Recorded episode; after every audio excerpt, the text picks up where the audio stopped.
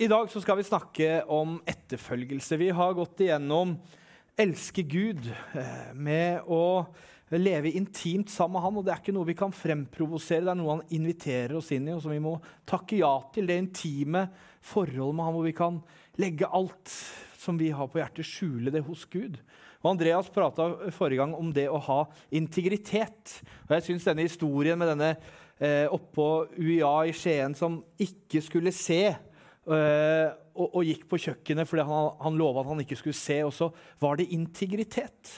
Vi skal leve liv i samsvar med liv og lære. Uh, og jeg tror det leder oss ganske godt inn i det som jeg skal tale om i dag. Eh, og hvordan vil det se ut å være en disippel, være en etterfølger av Jesus. Og jeg har streva mye med det, for jeg er heldigvis ikke oppvokst som kristen. Eh, så jeg har måttet liksom lære dette i nyere tid. Dere skjønte ironien. Jeg er fra Østlandet, så jeg har mye ironi i det jeg sier. Men eh, det å etterfølgelsesbegrepet, disippelbegrepet, det er så, det er så stort. Og det, så, det, er, det, det rommer så mye, så det har vært liksom Hvor er jeg inn i dette begrepet? Og her for et års tid siden så hørte jeg en sang som er nyinnspilt, som jeg gjerne vil spille for dere som innledning. Fordi jeg syns den sier Altså, den, den fikk meg til å lande litt. Kanskje den også får deg til å lande litt. Så har vi den sangen klar. Skal vi bare lytte til den.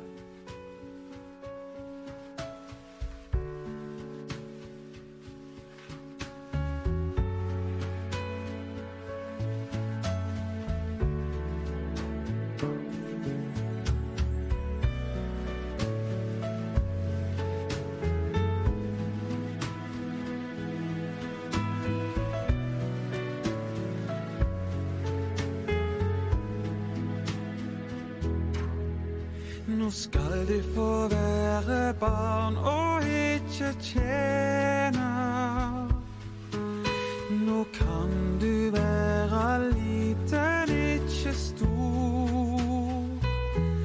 Ingen spør deg hva du syns og hva du mener. Det er ikke du som skal forsvare mitt ord.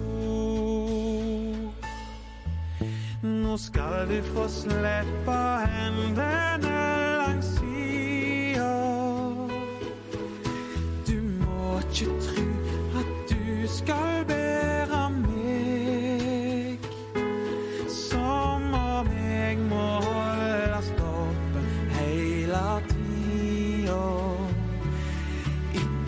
glem at det er jeg som bærer det.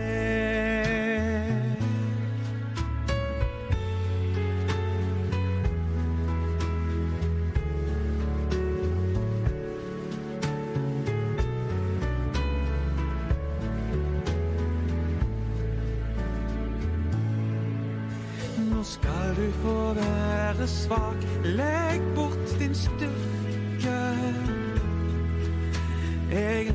Lever fortsatt sjøl når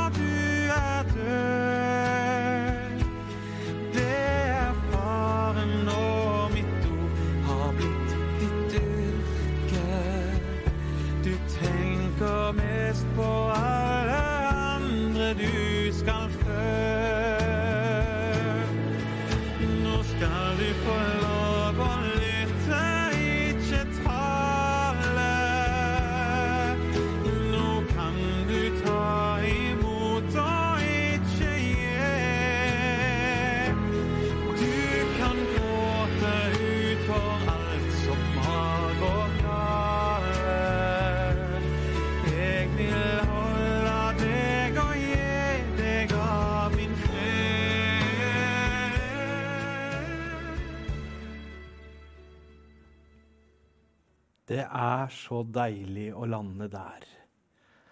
Vi er barn av Gud. Han trenger ikke at vi står på barrikaden, for han er Gud. Gud er Gud om alle land lå øde. Gud er Gud om alle mann var døde. Han er Gud. Eh, vi er hans skapning, og vi er mennesker. Og alt hva det innebærer. Eh, og det har vi fått erfare, de fleste av oss, tror jeg, hva det vil innebære å være mennesker. Hvis du aldri har gjort en feil, rekk opp en hånd, for da vil jeg gjerne ha deg opp på scenen. Nei, vi er alle mennesker.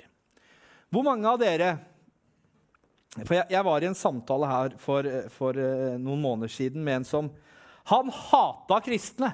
Fysja meg for noe folk! Han visste ikke at jeg var pastor, så jeg satt, litt, så satt og kjente litt på den.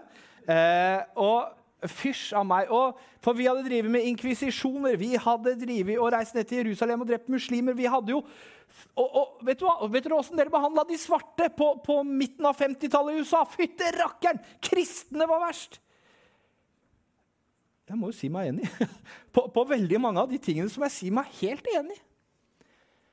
Men det er ikke de jeg følger. Det er han jeg følger. Og det står ingenting i denne boka her at vi skal skille mennesker mellom hudfarge. Det står ingenting i denne boka her om at vi skal eh, slakte muslimer over fote for å jage de ut av Jerusalem. Jesus sier ikke det. Hva sier Jesus om, de som kanskje er våre fiender? Sier han at vi skal slakte de ned for fote? Nei, han sier at vi skal elske de. Hver enkelt en av de. Det er kjempevanskelig. Men jeg tror det handler om denne etterfølgelsesprosessen. Så vi er jo da, som jeg har sagt før, vi er ofte den, eh, det evangeliet mennesker leser. Den Bibelen folk leser, det er deg. På en arbeidsplass, som lærer, eh, som venninne eller kamerat, så er det ofte du som er det stedet hvor mennesker leser sin bibel. Og da snakker vi om integriteten. Har du integriteten mellom liv og lære? Og så har ikke jeg alltid det. Jeg tror ikke du heller alltid har det. Og så er det mange som forlater kirke pga. noen mennesker.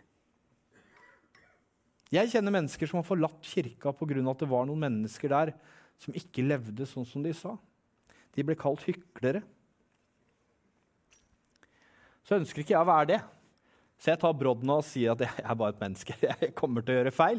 Det er ikke meg du burde følge, men du burde følge han jeg følger.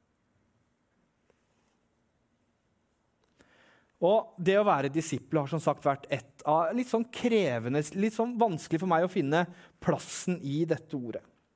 Eh, og så har jeg prøvd å, å, kaste det av meg, litt som den rustningen som David kasta av seg, som kong Saul la på han. Jeg vet ikke om han har lest det, da Kong Saul og skal i krigen, og så hiver han på en rustning som er så stor at han klarer ikke å bevege seg i den.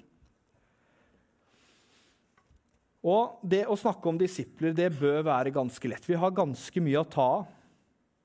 Og jeg hadde akkurat for en uke siden så hadde jeg en preken og undervisningsserie oppe på Hægeland frikirke. Eh, og der oppe så ser vi hvordan mennesker Selv uten pastor så, så vokser menigheten. Mennesket kommer til kirka. Selv om ikke hyrden er der og står og passer på dem, så vokser menigheten. Det tror jeg er fordi det er mange disipler i den menigheten. Det er mange mennesker der som har valgt å gi livet sitt til Jesus. Og I løpet av denne preken så ønsker jeg å lage en kobling mellom For, for jeg ser meg selv som David av og til. Ikke fordi at jeg skal være konge og skal være den høyeste av de høye, men, men, jeg kan kjenne meg igjen i David mange ganger. Og så vil jeg, vil jeg ta utgangspunkt i den kampen han har med Goliat. Og det å være ekspert på disippelskap det er i seg selv en selvmotsigelse. For disippel betyr å være elev, lærling. Og en, eh, en lærling, Er det noen lærlinger her? Jeg vet det er noen lærlinger her. Ja. Er dere eksperter på det dere gjør? Ja, dere er det, ja. ja. Så bra. Det, det er dere ikke. Eh, nå ljuger dere. Så integritet, vi prata om det akkurat. Eh, nei, men En elev, en lærling, er aldri ekspert på det han gjør. Derfor så er vi lærlinger. Fordi vi ikke er eksperter. Men ingen av ekspertene blant israelsfolkets krigere hadde det som skulle til for å møte Goliat. Ingen av de. Ingen av noen i hele hæren eller i hele folket visste åssen de skulle ta Goliat. Det trengtes en ung gutt med en slynge og noen steiner i veska. Og jeg tror noe av det som skjedde dagen, den dagen, kan gi oss og si oss noe vesentlig om det å være en disippel, en etterfølger av Jesus, og det å gjøre etterfølgere i vår tid. Og som jeg sa, så har dette disippelordet vært litt vanskelig for meg å lande i. Jeg har for, til tider forsøkt å kaste det av meg. Eh, og når David skulle møte Goliat til kamp, så ble brynjen for stor og for tung. Disippelbegrepet har for meg ofte kanskje blitt for stort og for tungt.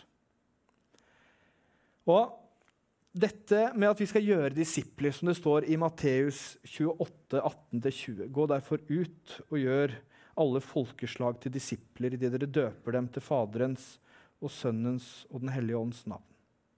Så tenkte jeg kanskje en liten pause for det. For det å være pastor i Hånes frikirke det er en fantastisk, fantastisk oppgave. Det er en glede å stå i den.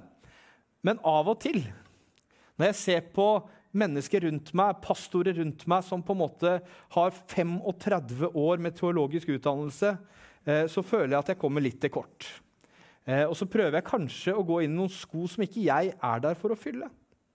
Og jeg tror også dere har noen av de rundt dere. Ja, men hun er jo så flink til å be. Og se, han bruker jo tre timer på bibellesning hver dag. Ja, Se på han, han er ute og forkynner evangeliet. Og her sitter jeg og ser på Netflix. Ja, jeg er ikke bra nok. Det funker ikke. Jeg er ikke sånn som de, eller som henne, eller som han. Jeg tror vi har kjent på det, alle sammen. At ikke vi klarer å fylle de skoa til de menneskene vi speiler oss med. Men er det de menneskene vi skal speile oss med? Eller er det han vi skal følge, som vi skal speile oss med? Men så er det noe med dette disippelbegrepet. For meg så er det veldig nært beslekta med disiplin. Disippel-disiplin. Du hører at det går nesten på, på lik måte ut av munnen. Og disiplin er for meg, som da har hatt praktisk prosjektarbeid Jeg hadde ikke tysk på ungdomsskolen. Eh, vi ble kalt ut i sånn egen sånn her, de barna som ikke får det til-gruppe, skal inn på det grupperommet der. Eh, og det var pisk og spanskrør mer enn disippelskap. Så, så, så, da er liksom den forvrengninga av disippel-disiplin Jeg må gjøre, jeg må gjøre, jeg må gjøre, jeg må tjene, jeg må gjøre. Og så kommer denne sangen. Nå er du barn og ikke tjener. Og så kan du på en måte bare Fra alt dette jeg skal få til, så kan jeg få lov å sette sette meg på fars fang. Og for meg så er det veldig stort. Men allikevel så klarte jeg ikke helt og så klarer jeg ikke helt å slippe dette disippelordet. For jeg har ikke noe annet å erstatte det med. Eh, hvis jeg sier til noen at jeg er lærling Ja, lærling i hva? Eh, nei, sånn Jesus-lærling. Eh, hva er det for så, så, så, det blir helt litt sånn Disippel er egentlig et ganske godt ord, men det passer ikke helt til meg. Eh, men hvis jeg da skal fjerne det ordet, så kaster jeg jo barnet ut med badevannet. Eh, for det var kanskje ikke ordet som var det store problemet. Det kan være kanskje min tolkningshistorie rundt dette ordet som har gjort det veldig vanskelig for meg. Fordi at jeg har hørt om disippeltreningsskoler. Er det noen som har hørt om disippeltreningsskoler? Ja. Eh, hvilke komponenter skal være i en troverdig disippelprosess? Noen av dere som kjenner en systematiker, så ville sagt 1, 2, 3, 4, 5, 6, 7, 8, 9. Dette er hva det vil si å være en disippel. Og man har prøvd å hive den rustningen. One size fits all. Dette er disippeltrening. Sånn må du være. Den passer ikke meg. For jeg satt som sagt på et grupperom med de barna som ikke helt fikk det til. Eh, så kanskje du var en som fikk det til, og dette disippeltreningsprogrammet passer deg perfekt. Fantastisk! Fordi jeg tror at Gud og Jesus kaller oss inn. Sånn som vi leser en bok nå i denne guttegruppa jeg er med i, eh, hvor, eh, hvor, han skriver det at eh, for veldig mange så kan eh, Jesus oppfattes som mor Teresa.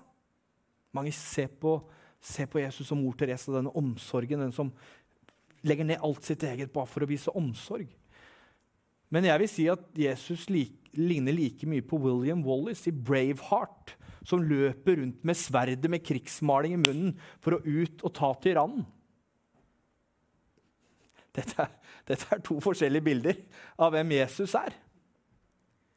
Men når, når, når soldatene går inn i Getsemahagen og så spør de, ja, hvem leter dere etter, Nei, Jesus fra Nasaret, så står det at det, alle gikk til bakken. Alle la seg til bakken. Det var en sånn mektig kraft i den mannen at alle soldatene bøyde kne og la seg til bakken. Kanskje han jeg vil følge, kanskje det er han som gjør at jeg har lyst til å være en etterfølger. Kanskje ikke jeg har lyst til å traske etter mor Teresa nedover gatene i slummen i Calcutta og, og redde barn. Det er fantastisk. Ikke misforstå. Det er helt nydelig. Av og til så trenger vi å møte mor Teresa i Jesus. Men kanskje for meg så er det å følge han inn i denne krigen noe som motiverer meg på en helt annen måte. Så David han kaster av seg denne rustningen, den altfor store rustningen som ikke passa han i det hele tatt. Han fant noen steiner i stedet som, som passa til slyngen han allerede hadde med seg hjemmefra. Kan det være noe at det, det viktigste vi som disipler trenger å ha med oss på ferden, allerede fins her vi er? Fins i huset vårt? Og resten finner vi på den veien mens vi går. De glatte steinene han fant til slyngen, er kanskje et bilde på de løftene, formaningene og oppmuntringene i Bibelen, lest inn i vår egen og andres livssituasjon her mens vi går. Å bli en disippel av Jesus det starter med at vi blir tilgitt. Vi møter hans nåde, hans tilgivelse, vi opplever frelsen i troen på Han. Den hellige ånds gave i dåpen i en atmosfære av tro. Dåp og disippelskap hører sammen idet jeg døper dem. Og Dette skjer samtidig eller senere i livet, vil kanskje være forskjellig. Men slyngen får vi med dåpen åndelige og mødre og fedre i vår storfamilie. Vi sier jo det når vi døper barn her i Hånes frikirke. Så er, I Frikirken så er vi alle sammen faddere for dette barnet. Så vi er alle åndelige mødre og fedre for det barnet som vi bærer til dåpen her inne. Og som storfamilie så har vi som oppgave å lære disse små, nydelige barna å bruke denne slyngen. Det er vår oppgave å lære disse barna å bruke denne slyngen. For hvis ikke så blir den kanskje lagt bort og glemt. En tro som ikke praktiserer, er som en slynge uten at du vet hvordan du skal bruke den. Heller med Jesu egne ord. Som en tent oljelampe som settes under et kar. Der troen er i bruk og får utvikles, begynner vi langsomt og hente ut det potensialet og erfare den kraften som er i det. Å være en disippel er å fortsette å være sammen mens, med Jesus mens vi går. For jeg er med dere alle dager. Vi går og vi snubler. Vi stanger på ting vi absolutt ikke burde vært en del av.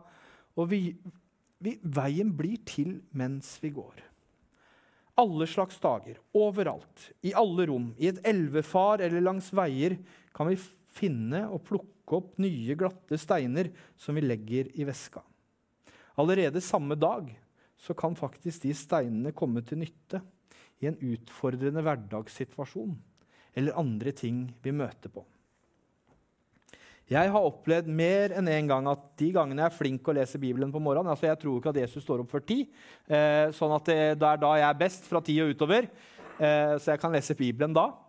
Eh, og så er det ofte sånn at det, de tingene jeg leser i Bibelen den dagen, og så møter jeg da et menneske på butikken eller et eller annet sted, og så kommer de ordene til nytte. De blir som steinene i den slyngen, for jeg plukka de opp den dagen og, og, det er noe med at Gud ønsker altså Han ønsker så vanvittig at vi skal lykkes.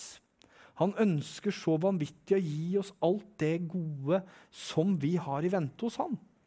Og så driver vi med mange mange rare ting i mellomtida. Guds levende ord er utømmelig. Det er en kraftkilde, et forrådskammer, som vi alltid har for hånden. Gamle ord får nytt innhold i nye situasjoner og omgivelser.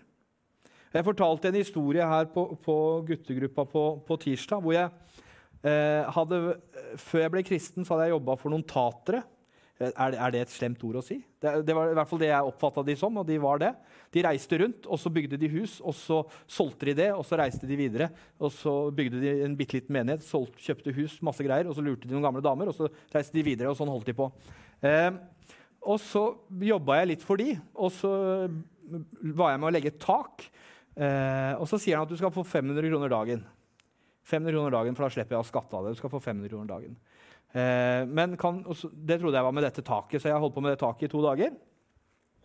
Og så spør han kan du komme og jeg skal mure i to hus en, en grunnmur, eller jeg skal mure opp to piper i leka og så pusse det etterpå. Og jeg, ja, ok, det kan jeg ta og gjøre, Så jeg brukte ca. 24 timer på det. altså to dager hvor jeg jobba 12 timer i strekk begge dagene. Eh, og Siste dagen så skulle vi ta og plukke sammen det stillaset som hadde vært på det ene huset vi hadde skifta tak på. Og så hadde jeg med meg en kompis et susehue som bare satt på med meg den dagen. og Han hjalp, han bærte to sånne tversoverstivere. Bærte de i hengeren. fikk jeg 2000 kroner, og så, jeg fikk 3000 kroner, og han fikk 500 kroner. Og Jeg kjente bare sinne og alt dette. Og så leste jeg Bibelen om han som lova en dagslønn. Og så får han som kommer sist, like mye som han som begynte tidlig. Plutselig ble den historien så utrolig virkelig på meg. Jeg slo meg midt i ansiktet. Og jeg tror at hvis vi lever i det, lever i dette ordet, så vil vi erfare at Gud er ikke 2000 år gammel. Han er ikke, er ikke sånn at han liksom hang seg opp, og dette er det eneste. Men han ønsker å bruke dette som briller for å se den virkeligheten vi ser verden, altså hvordan vi ser verden. Denne gjør at vi ser altså Hvis jeg tar av meg brillene nå, så ser ikke jeg om Henrik gir meg et tegn på at jeg har brukt for lang tid. Sant? Så jeg kan stå her i fire timer og tale om dette. Det er idet jeg tar på meg brillene, at jeg ser det som ligger foran meg. Og Sånn tror jeg det handler om etterfølgelse også. Når vi lever i etterfølgelse, når vi på en måte tar dette ordet her til oss, så blir det de brillene som vi legger litt merke til de ferdiglagte gjerningene som han på forhånd har gjort klart for oss, sånn at vi kan vandre inn i dem. Å gjøre disipler er ikke å nedkjempe menneskers egenvilje med våre ord, uslåelige argumenter. Krigsmetaforene har blitt misbrukt i mange f.eks. misjonssammenhenger. altså Reise til Afrika for å krige. Vi må bare sette opp murene våre først. Og Ifølge Det nye testamentet er ikke engang den Goliat vi møter, et menneske av kjøtt og blod. Men disipler gjøres likevel, men ikke uten kamp. For jeg tror at disiplene blir til i kampen. Mot makter og åndskrefter, mot verdens herskere i dette mørket. Mot ondskapens ånde her i himmelrommet. Det er ganske kontroversielt å si sånt i våre dager. Det er godt vi har dratt for gardinen. Nei, vi har ikke det heller. Eh, vi må, altså, for vi lever i en sekulær verden. Og det sekulære verdensbildet så er ikke dette et tema. Ja, det er nyåndelighet. og Jeg, har, jeg husker jeg hadde hatt en bryllupssamtale en gang, og da sa eh, eh brudgommen det at eh, for Han hadde ikke barn, men han hadde en katt som hadde dødd. Og den katten den så på han og passa på han fra himmelen. Og da Åh! sleit med å på en måte bekrefte han i hans eh, tanker på det. Men den nyreligiøsiteten altså, det er en sånn synkretistisk Vi bare plukker. Plukker, plukker. Ja, litt sånn reinkarnasjon der, og så tar vi litt sånn her der, og så tar vi litt der, og så, og så danner det og, og, det er jo ikke å hente brillene herfra. Det er jo å hente brillene herfra. De vil aldri samstemme. Fordi at han som har uh, lagt hele grunnvollen, han har gitt oss muligheten til å ta på de brillene. Så disippelskap, etterfølgelse av Jesus, det handler om å ha integritet. Men det handler også om å ha den integriteten ved å si at vet du hva? Det er ikke alt jeg får til. Jeg er bare et menneske. Jeg prøver så godt jeg kan. Og så er disippelskap og etterfølgelse av Jesus det å prøve og feile. Og jeg håper, håper inderlig at selv om du er 70 så har du fortsatt noen ting som du ikke har prøvd ennå. Som du er litt nervøs for. Og så har du lov å feile i det. Du får lov å feile. For du er barn. Du er ikke tjener. Og det aspektet, Når vi skal ut og ha disse neste gudstjenestene og vi skal prate om å elske mennesker, så må du erkjenne at de er ikke tjenere. De er barn, skapt i Guds bilde, full av herlighet. Og det, det er så mye gull i mennesker hvis du bare velger å kikke etter det. La oss be. Takk, gode himmelske Far, for at vi kan få lov å være barn hos deg. Takk for at uh, du ikke er som Saul, som skal hive en rustning ned over oss som ikke passer. Men du kjenner oss. Du kjenner oss på dypet av hvem vi er. For du har vevd oss ifra mors liv av. Takk, Herre, for at du legger de steinene langs vår vei. At den slyngen som vi har fått lov å ta og, og, bære på, at vi kan få lov å bruke den. At uh, vi har mennesker rundt oss som du har kalt til å lære oss å bruke den. Så vi ønsker, Herre, å bare leve i etterfølgelse. Hjelp oss å ta på de brillene som ser hva det betyr for meg. For hver enkelt en av oss. At ikke det betyr det samme helt likt for alle sammen, men at du har en vei for oss hver enkelt. Så Herre, jeg bare takker deg for at du er her og at du ønsker å lede oss videre. I Jesu navn. Og menigheten sa amen.